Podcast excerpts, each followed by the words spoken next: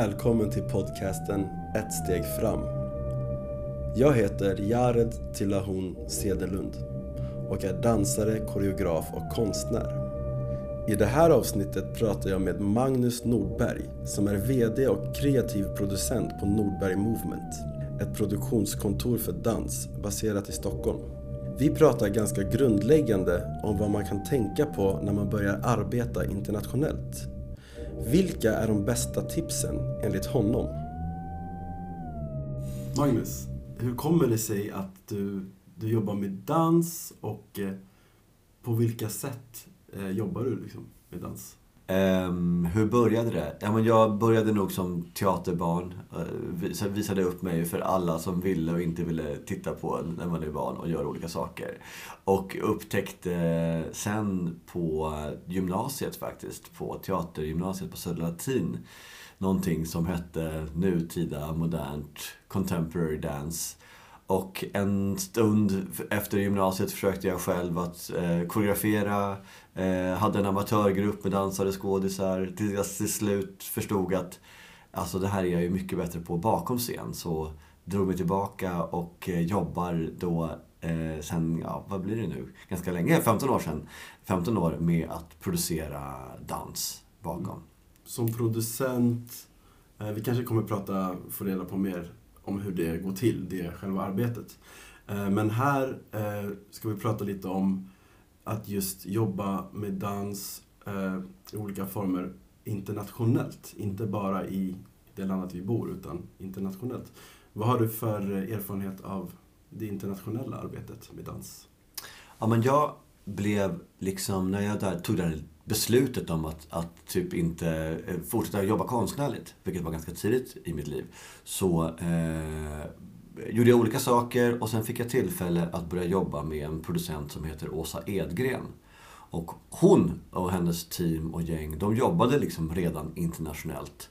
Uh, internationellt heter det faktiskt. Mm. Och, uh, så jag blev ganska snabbt bara liksom meddragen, utdragen i det.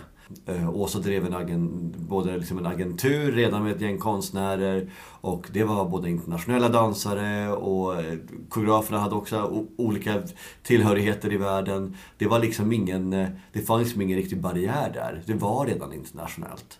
Och då förstod jag ju också ganska snabbt att liksom programmeringen på scenerna och runt omkring i de flesta sammanhangen är ett gränsland mellan då både det som är lokalt och det som kommer dit. Och en blandning av inbjudna dansare ensembler etc. Det är liksom lite, det är liksom lite svårt att säga var det slutar och börjar nästan, typ. Mm. Eh, det internationella. Mm. Så det blev liksom, jag vet inte, det blev liksom att man jobbar internationellt väldigt, mm. väldigt mycket. Mm. Och om, om inte den, eh, den kontakten kommer så eh, nästan av sig självt, eller det första, finns det någon... Varför ska jag som, som dansare och koreograf ändå kanske eh, sträva mot eller pusha för att just kunna jobba internationellt också? Jag tänker först att man liksom kanske inte ska göra heller någon sån där liksom klassisk hierarki vad som är framgångsrikt eller icke framgångsrikt. Mm. Det kan finnas lite sådär att ja, bara för att man åker långt bort så är det liksom, då är man upptäckt eller det är bättre eller så. Det finns ju väldigt många dansare och koreografer eller konstnärer eller förresten för den delen andra människor som bara jobbar lokalt. Och det är ju i sig ett jättestort värde verkligen, att, liksom, att jobba lokalt. Och det gör ju jag med mina grupper och jag också väldigt mycket. Men på det kan man ju säga att eh, det finns liksom en väldigt stor marknad. Alltså inte en marknad som en ekonomisk marknad, men det finns ett stort fält som man kan verkligen jobba i. Eh, som är mycket, mycket större än ens hemstad eller ens hemland eller vad det nu är. Och det kan väl framförallt handla om att få inspiration. Att inte snöa in sig i bara det som finns runt hörnet hemma att utmana sig själv genom att jobba med inbjudna internationella gäster om man har resurser till det. Men också att kanske speltillfällena i, i ens egen stad kanske ganska snabbt tar slut. Och det är väl också en anledning till att framförallt dansen är liksom så nomadisk i sig. Eh, kan ju många kritisera nu för tiden också, att det inte finns tillräckligt möjligheter hemma. Men i sin grund och botten så är ju liksom konstformen nomadisk för att ensembler har rest till många ställen för att skapa det här pärlbandet av publikmöten. Liksom. Att vara på turné. Sådär. Mm. Ja, det kanske var lite flummigt svar, men det är någonting med inspiration och det är någonting med att också hitta möjligheter att möta publik som ibland kan vara begränsat. Mm. Där man bara är på en plats. Mm. Liksom hur kan ett sånt här eh, internationellt samarbete se ut? Ja, men vad innebär ett, ett internationellt samarbete? Jag tänker det kan vara mycket saker. Jag tänker man kanske framförallt snabbt tänker på att, att man, när man jobbar internationellt inom dansfältet, att man nu åker vi på turné. Nu åker vi på gästspel. Nu åker vi till en annan, ett annat land och en annan stad. Och så spelar vi den föreställningen eller det projektet som vi håller på med där. Och det är ju ett sorts internationellt samarbete. Mm, som mm. kanske är det enklaste, vanligaste man tänker på. Mm.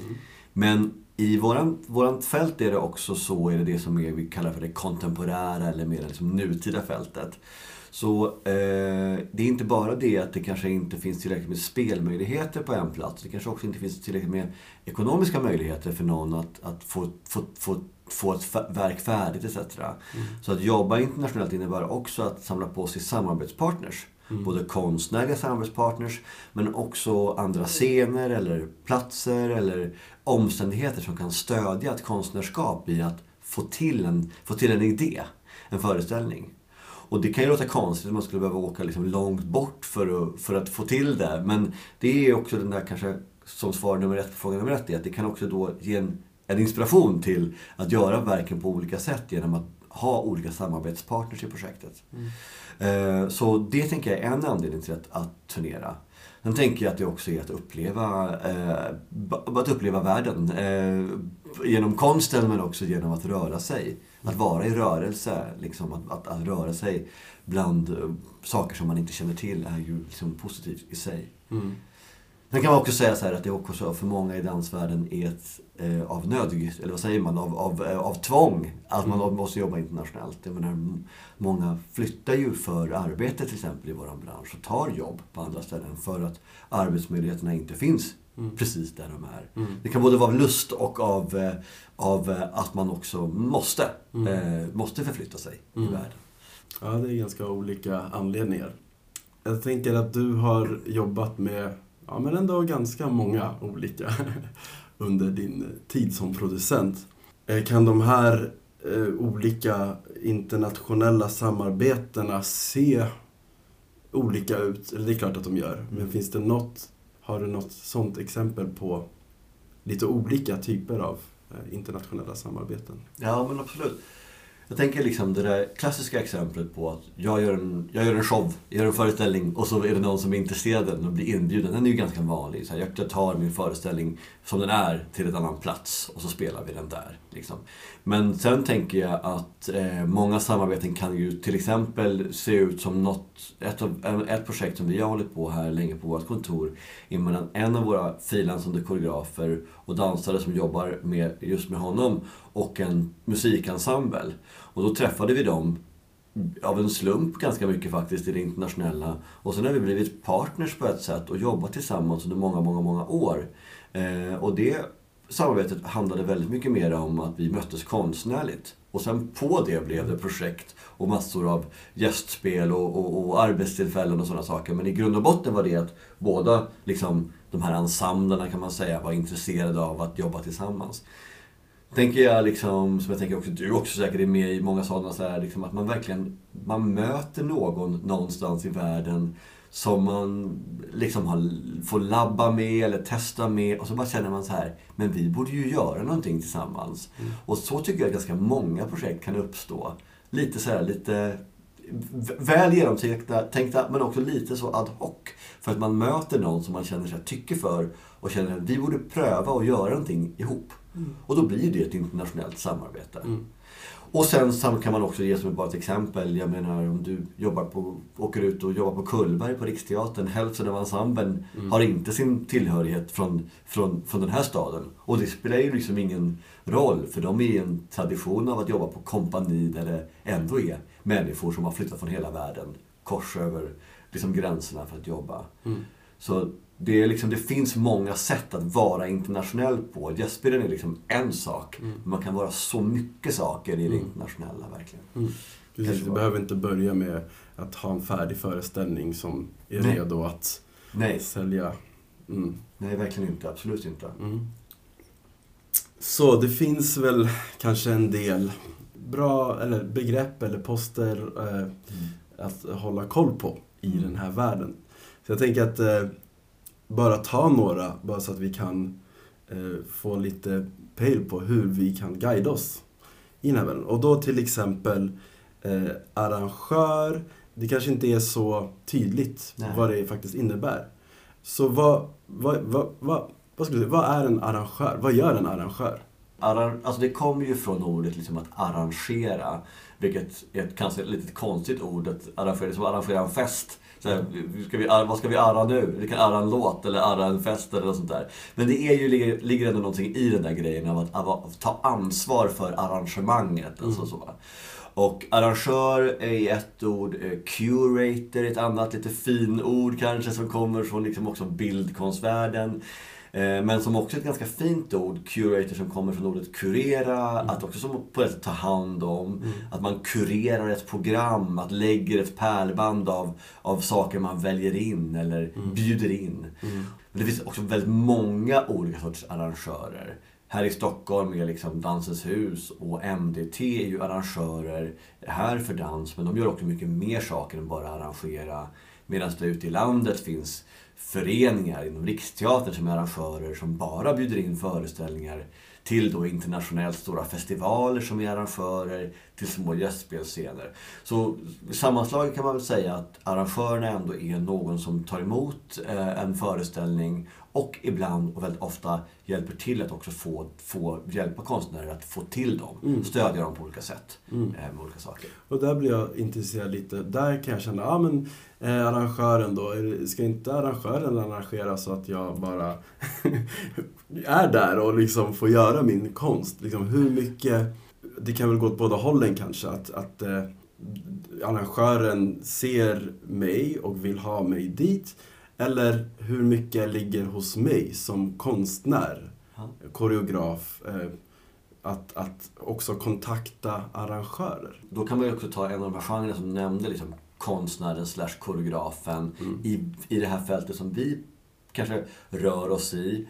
I vårt fält så är det ju ofta så att det är en, en konstnär eller en grupp konstnärer som på något sätt hittar på att de ska göra ett projekt. Och så hittar man resurser till det och så försöker man då hitta platser där man ska spela och då pratar man ju med arrangörer. Och ibland kan det ju vara så att det är ett nytt förhållande man har med arrangörer. Man har aldrig, man har aldrig träffat varandra men det har blivit intressant. Eller så är man någon som är, man har ett återkommande samarbete. Men tillbaka på då till din första fråga. Så här, varför, tar, varför ska inte arrangören bara ta hand om det där första? Där är det lite skillnad från till exempel andra genrer där till exempel man eh, kanske om man är te- i teaterfältet kan gå till många institutioner och så får man anställningar där och så produceras föreställningarna där inne. Regissören blir anställd av, av Teaterhuset etc. och så. Medan det i vårt fält så är det väldigt mycket upp till konstnären själv och koreografen att då driva projekten och hit, hitta formen för det. Både från att hitta på en konstnäridé, hitta resurserna och också då söka upp arrangörerna som finns. Ja. Har man lärt känna en arrangör så har man ju förhoppningsvis en bra pågående dialog. Och då kanske man inte behöver söka upp lika mycket va- varje gång. Då kanske man, har en, man får komma tillbaka, man kanske får ju ha, premiär en gång till eller få spela en gång till. Men jag skulle också säga att om man vill ha, om man vill ha flera möjligheter att spela, ja då får man nog tänka på att man ska göra lite uppsökande arbete. Ja. Det är nog svårt att tänka sig att, att, att det skulle komma till en helt själv. Eh, det kan det också göra. Men eh, någon balans däremellan av att söka upp och bli uppsökt. Så att det blir mera, mera, mera tillfällen för en själv. Det finns arrangörer som också väntar på att bli kontaktade. Liksom. Ja. Att så här, här, jag har det här, är ni intresserade? Ja, Eh, mm. verkligen. Och det är också, kan vara också bra att veta att liksom alla arrangörer är ju inte inte så att alla arrangörer sitter på världens största skattkista utan det är ju samarbeten som väldigt mycket bygger programmen också på, på, på spelplatser Mm. med projekt och sådana saker. Mm. Om jag då också tar in eh, producentdelen i det hela. Just för att det, det är ofta kanske konstnären och koreografen, att det finns där ett driv att söka upp arrangörer, men kanske också söka upp producenter och vart är vi då? Om jag bara ställer frågan där. Mm. Ja, men det finns ju en liten tradition liksom i det här med att på något sätt sprida konst. Att ha någon person som kanske hjälper en att göra det. Och det kan kallas jättemånga saker. Mecenaten eller gammalt teaterord. Agenten används ju. Det låter som att man är i någon spionfilm eller något. Det kan ju vara väldigt ganska vanligt i musikvärlden och lite mer kommersiella världen. Sånt. Men det finns också, det är ganska vanligt i vår värld också. Och agenten är väl någon som då hjälper till att på något sätt distribuera verken lite mer. Kanske sitter på ett kontaktnät och kan liksom känna av åt det här hållet ska vi gå med det här stycket, här kan vi föreslå det här. Och också lär, känner då både konstnärer och eh, arrangörer och är lite som en matchmaker däremellan. Medan producentrollen kan ju vara mycket mer av en, liksom en utförande, praktisk roll. Den kan hjälpa konstnären att liksom göra allt det där praktiska kring en produktion som ändå, som ändå krävs. Allt från liksom ekonomi till personal, till, till att boka en transport, till att ställa ett golv, till allt det där. Och vanligtvis är det ju så, ja men det vet ju du, att de flesta konstnärer i våran fält, ja, är ju producenter för sig själva. Eh, Men det behövs. För ofta så blir det också, eh, det blir ofta för mycket. Att Ja. göra en hel producentdel och vara konstnär och koreograf. Och det är verkligen, jag tycker det är fascinerande med vårt fält att också det är så mycket konstnärer, det är verkligen extremt duktiga producenter. Alltså det finns verkligen det. Därför tänker jag också att det är lite andra saker man ska göra som agent och producent som också handlar om relationen till arrangörer. Man kan liksom ta frågor och, och sånt med, med arrangören som kanske konstnären inte ska behöva göra, ta etc. Så det är den här liksom mellanhanden som kan, eh, som kan liksom bara hjälpa till relationen eh, hela vägen. Mm. Men okej, vi har gästspel och turné bara Ja. lite snabbt. Vad betyder de två? Ja, jag skulle säga så här, att man kan, ju, man kan ju säga att på en turné som det ligger många datum på så gör man alltid, gör man alltid ett gästspel varje kväll. Ikväll är vi i Paris och nästa kväll är vi i Stockholm och nästa kväll är vi i London och sådär. Eh, men det är ganska få förunnat att vara ute länge på turné. Så ofta blir det så i våran bransch kanske, om man inte är liksom väldigt, väldigt så väletablerad så, att man gör internationella gästspel som då kanske bara är att man åker till ett ställe och åker tillbaka. Eh, Det skulle jag definiera som ett gästspel. Du är nog alltid på ett gästspel om du är hos någon och är gäst där. Eh, Det är inte säkert att du kanske är ute på turné. Då kanske du ska ha några datum. Som du, då kanske du inte åker hem efter det första gästspelet. Då åker du vidare till, liksom, till nästa plats. Etc. Och det är väl en, eh, kanske också en framtida förhoppning att, att om, om vi ska röra oss så kanske vi ska röra oss till fler ställen samtidigt för att inte göra så mycket avtryck i världen med, bara, med bara just ett gästspel. Men hur då jag då, eh, du har hittat en eh, samarbetspartner internationellt eh, och så kanske ni vill få till en turné. Hur långt i förväg behöver du ha kontakt med den här personen, med den här arrangören innan själva turnén kan faktiskt hända? Sker ja. Ja. Eh, scener som, har, som är väldigt stora, alltså där det är, där det, det liksom, där det är mm, över 800 platser eller så, de stora scenerna, där är det längre framförhållning än på de små. Stämmer inte riktigt kanske på alla platser, men att, att liksom det är det är ju såklart handlar om kanske lite mer resurser att presentera saker på en väldigt stor scen än på en liten. Men jag skulle också säga att det ändå kanske är generellt så att det är en dialog på ett och ett halvt, ett och ett halvt år till ett år. Ehm, därför, att folk, därför att arrangörer jobbar med ganska lång framförhållning. Och Det, kan vara lite, det kan man bli lite frus- frustrerad över i vår bransch. Att man känner hela tiden att jag är typ alltid lite för sent med min fråga till, till en arrangör.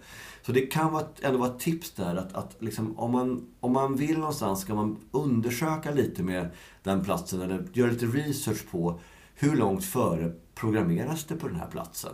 enkelt. För det finns ju väldigt många som hela tiden vill spela och eh, det kan snabbt liksom bli, bli fullt. Även om, arrangör, om, om arrangören är jätteintresserad av ditt, just ditt stycke. Liksom.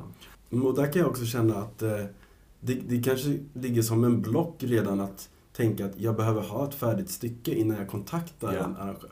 Men det går inte riktigt ihop med hur resten av systemet ser ut. Nej. Eh, Och där, där jag då kanske inte... Eller där jag då nu kanske snarare borde tänka att eh, jag kan ju söka upp, eh, kontakta en arrangör och prata lite, kanske lite löst om idéer eller kanske bara se hur det klickar. Verkligen. Att det finns, ja. Man behöver inte vänta tills... Nej men precis. liksom. Mm. Det är lite som en dans det där. Liksom, vem ska uppvakta vem? Vem ska bjuda upp vem? Ska bjuda upp vem? Liksom. Eh, och det är klart, det kan ju också kännas sådär lite jobbigt. Det kan ju vara lite jobbigt det där med att söka upp folk och bara hela tiden ska man prata om sig själv och föreslå. Det är verkligen så. Alla som, alla som känner att, att det är lite jobbigt, det kan vara, det är lite jobbigt. Och det är lite jobbigt med allting som är sådär uppsökande när man ska söka upp någon om olika saker i, vår, i vår värld i allmänhet. Eh, men jag tänker att liksom, det viktigaste är ju att lära känna, eh, att, låta folk, att lära känna folk och låta folk lära känna en själv. Och man kan också tänka så här, det är många, framförallt i dansfältet, som programmerar, de har ganska lite de har ganska lite möjlighet att programmera mycket. Eller hur ska jag säga, deras, deras program till, har ganska lite programpunkter. Så därför är ju arrangörer också såklart väldigt, väldigt selektiva. Och ehm, det, det, när man inte känner någon så är man ju alltid på något sätt ett neutralt, en neutral person för dem. Så det, det, det viktigaste man kan göra är att försöka hitta möjligheter för de som man vill jobba med att på något sätt uppleva ens eh, föreställningar om det går live eller på något sätt få känna av det här liveframträdandet med en. Och det kan kännas lite sådär svårt att få till men eh, det är ändå ett tips att jobba på att, att försöka eh, bjuda personer att komma in och se ens föreställningar live.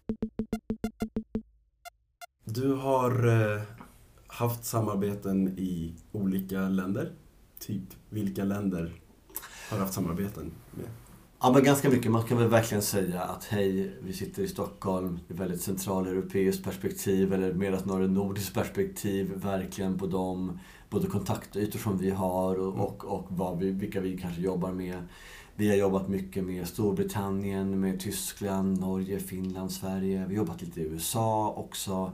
Vi har gjort några enstaka gästspel i, i Asien, i Kina, Japan etc. Men, men ehm, det finns ju liksom, om man, när man räknar upp de, de länderna så är det liksom en bråkdel av den möjliga värld som finns.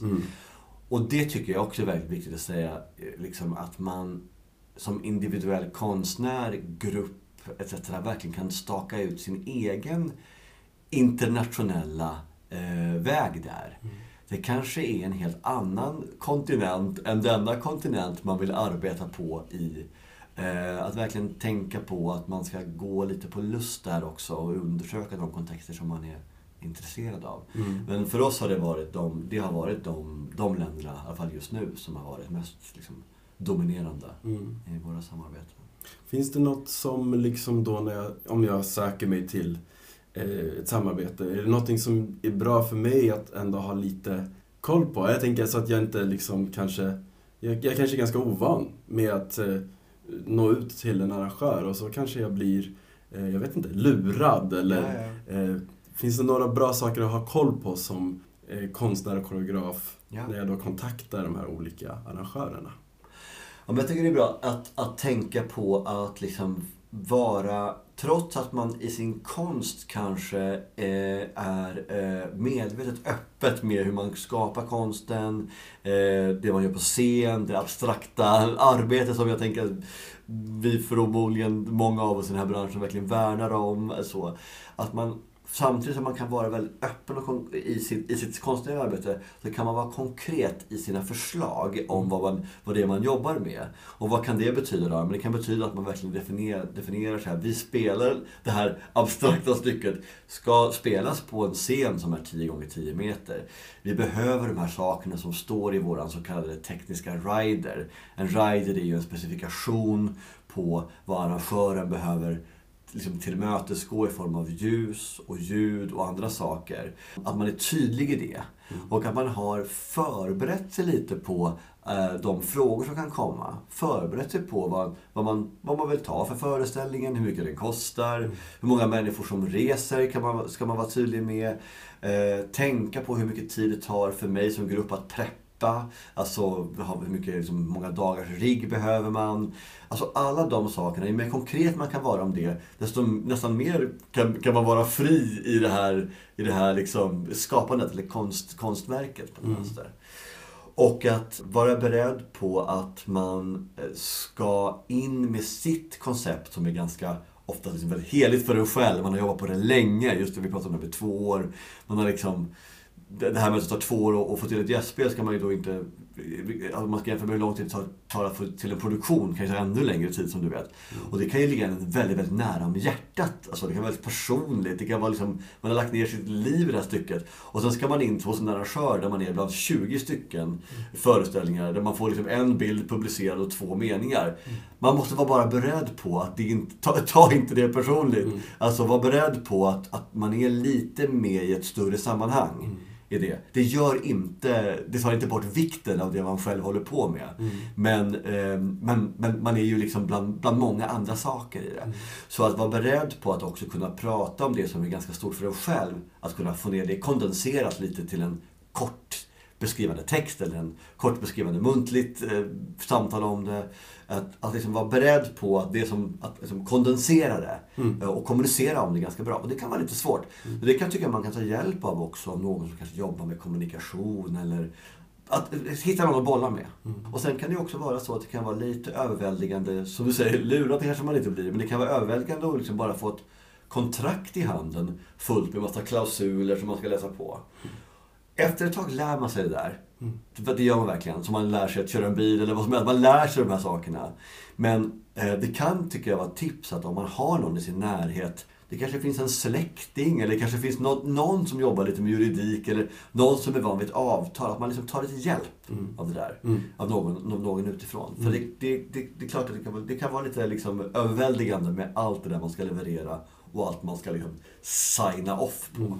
Ja, det är lätt hänt eh, att fastna i sitt eget sammanhang och eh, värdera så som ja, jag själv tycker att det här, så här ska det vara. Och på tal om att hamna kanske i andra sammanhang då, precis som, eh, ja låt säga att jag är van med att sätta upp eh, verk här i Sverige. Men så ska jag jobba med eh, en arrangör som liksom internationellt. Mm. Och där kanske det inte är samma eh, typ av eh, diskussioner eller det kanske är lite andra regler, eh, lite annat som kanske värderas på olika sätt. Hur mycket är det också en faktor eller något att vara beredd på? Ja, det, det, det är faktiskt något man behöver, behöver vara beredd på. Mm. Den där flexibiliteten i det som man, den struktur man har själv kanske inte kan upprepas överallt på samma vis. Mm. Och jag menar, ett exempel är eh, att man kan åka till länder där de fackliga reglerna är helt annorlunda än, än hemma. Jag har varit med om det på vissa olika, på olika ställen där att helt plötsligt är liksom tekniktiden slut. För nu, har det här, nu, nu ska det här tekniska teamet gå hem. Det är ingen övertid här. Lamporna är inte färdiga, det är inte färdigriktat. Men enligt facket så är det slut på den här, mm. den här tidpunkten. Ett exempel, och då, då, är det lite svårt att stå emot det som gästande grupp. Eller till exempel att man kanske är ett land där folk inte är vana att bli eh, ledda, där ett tekniskt team är ledda av kvinnor. Mm. Eh, är inte ovanligt, etc. Och då gäller det ju både att man har, framförallt kanske i de här tekniska specifikationerna man har gjort, att vara, ty vara tydlig med så här jobbar vi. Schemat måste se ut så här för att vi ska kunna leverera föreställningen på det här sättet. Mm. För oss är det viktigt med de här sakerna. Att kommunicera det när man kommunicerar med arrangören. Mm. Och att sen också eh, såklart våga, våga säga emot när det finns konflikter eller så. Mm. Ha talat om det i sitt team med varandra. Mm. Vem som är liksom, talesperson och vem som tar besluten om, om någonting skulle hända på plats. Mm. Men att göra research är ju det bästa i det. Att liksom, man kan inte göra research om allt en, om en annan plats. Men man kan ju framförallt söka upp en person kanske som har varit eh, på den scenen som man ska spela på eller i det land man har spelat på, ska mm. spela i. Mm. Och eh, få lite liksom, insidertips. Mm. Den tycker jag är enkel och bra. Vi pratade lite om det redan, kanske sådär att det är bra att vara tydlig. Finns det något mer jag som konstnär liksom kan göra för att få en arrangör intresserad av just mig? Jag tänker att liksom, man, man bygger ju ofta relationer vidare på kanske andra relationer. Man kanske liksom har varit där och spelat med en annan grupp man kanske har liksom, eh, möjliggjort eh, eh, eh det här mötet har möjliggjorts genom att, att man har varit med i en annan ensemble etc. Och man har lärt känna varandra på det viset. Och då tycker jag att om man känner att man har fått en, en, en bra dialog med någon, liksom man kanske har kunnat få ett bra konstnärligt samtal efter en föreställning eller så. Då tycker jag inte man ska vara rädd att, att, att söka upp och föreslå och berätta vad det är man arbetar med. Man får vara beredd på att arrangörer oftast är väldigt, väldigt upptagna. Och att de kanske inte kan svara första gången eller andra gången eller så. Mm. Att det ändå är viktigt att skicka information. För, man, för, för många som jobbar i vårt fält är det så här att, liksom att, att man får information som man registrerar och tar in. Man kanske inte hinner svara. Mm. Men helt plötsligt är det ett tillfälle där man, där man säger det här var ju perfekt. Jag träffade den här personen och personen också fick med lite info. Här har jag ju någonting framför mig. Jag söker upp den igen. Det händer mig jätteofta. Mm. Den grejen. Det är tystnad, tystnad, tystnad. Och så är det liksom ett mejl jag skickade för ett år sedan. Så kommer någon tillbaka och ja, ja, okej. Okay. Så följa upp liksom på samtalen. Mm. Och sen så tycker jag också man kan tänka att om man vill någonstans så ska man kanske söka upp det och kanske visa att man vill vara där lite.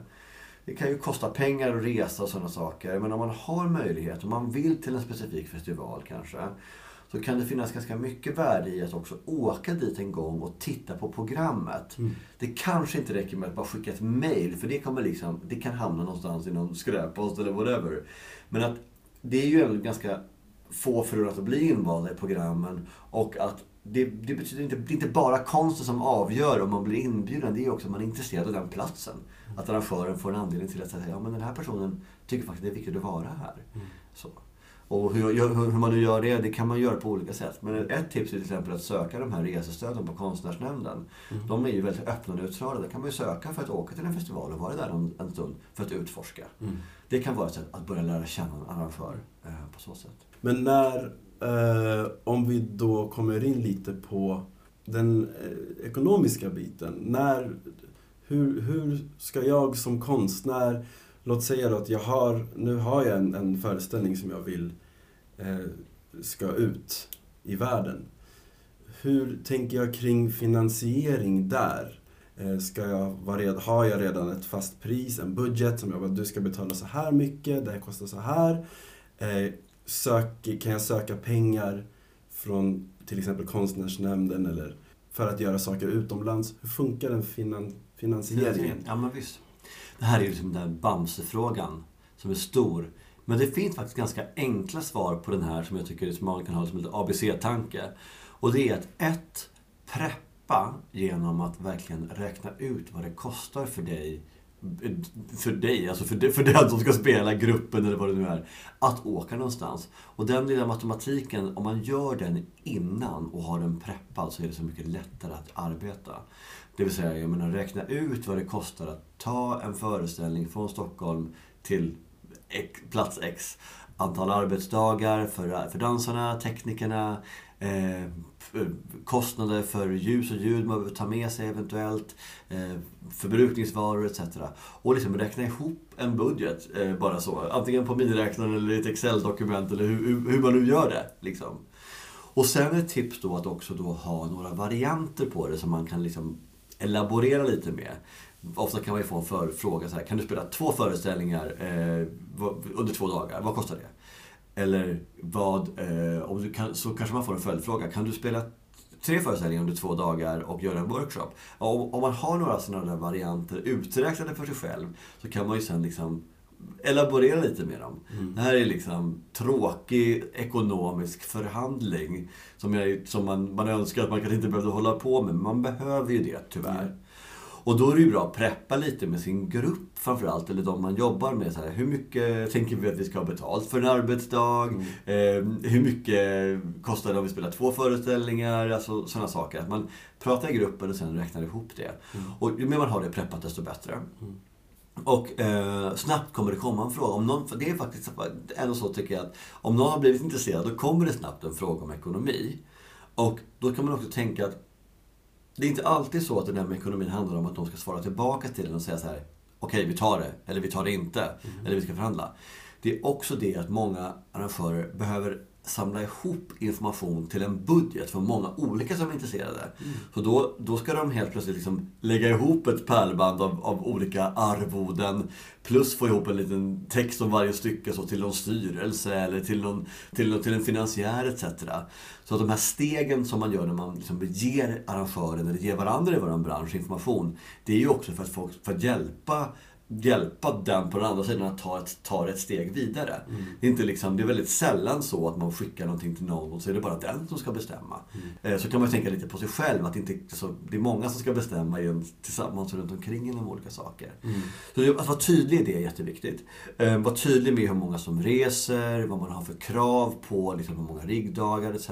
Och då är den här tekniska riden jätteviktig. Yeah. och den kan ju, jag tjatar lite om den. Men ja, den, vad är en teknisk rider? Ja, skulle vara min nästa fråga. Ja, men den, vi kan komma till det. Liksom? Ja, den kommer in. Vi kan ta den då. då men att, att liksom den, den, eh, det finns vissa kanske krav där som man ställer på arrangören som kan innebära vissa kostnader då. Mm. Och det behöver man vara tydlig med så, man inte, så att arrangören kan räkna ut vad det kostar än om jag behöver hyra in något speciellt eller mm. behöver ett speciellt rum. Eller det ska vara en mm. elefant på scen eller mm. det kan vara vad som helst i den här mm. riden.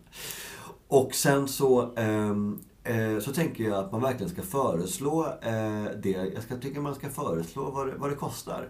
Mm. Och sen får man ju räkna med att den personen kanske inte kan betala det.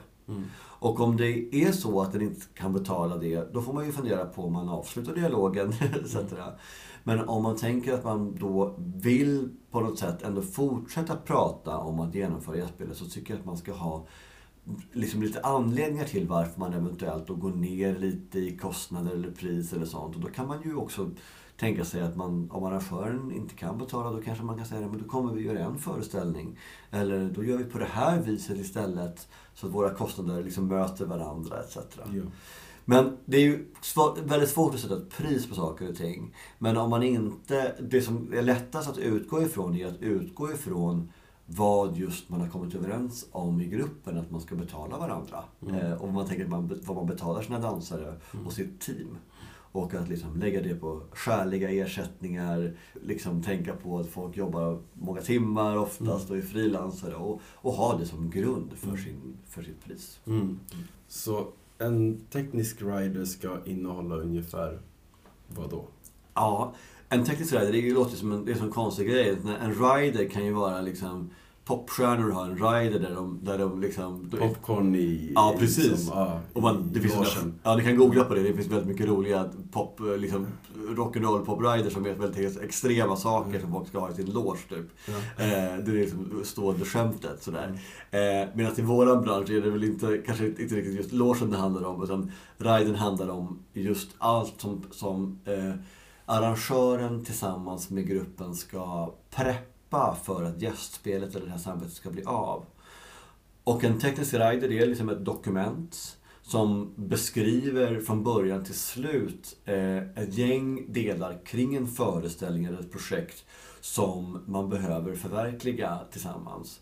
Och Oftast är de uppdelade i en sektion som handlar om vilka som reser. Alltså hur många man är som reser i projektet, hur många som åker, hur många som kommer komma till den här platsen. Och beskriver också vem som är arbetsledare i gruppen etc. Vem man, vem man kontaktar från arrangörens sida för frågor om hotell och resor och traktamenten. Och sen vem man kontaktar också om de tekniska frågor. Och snabbt då kommer man in i sektioner om teknik. Mm.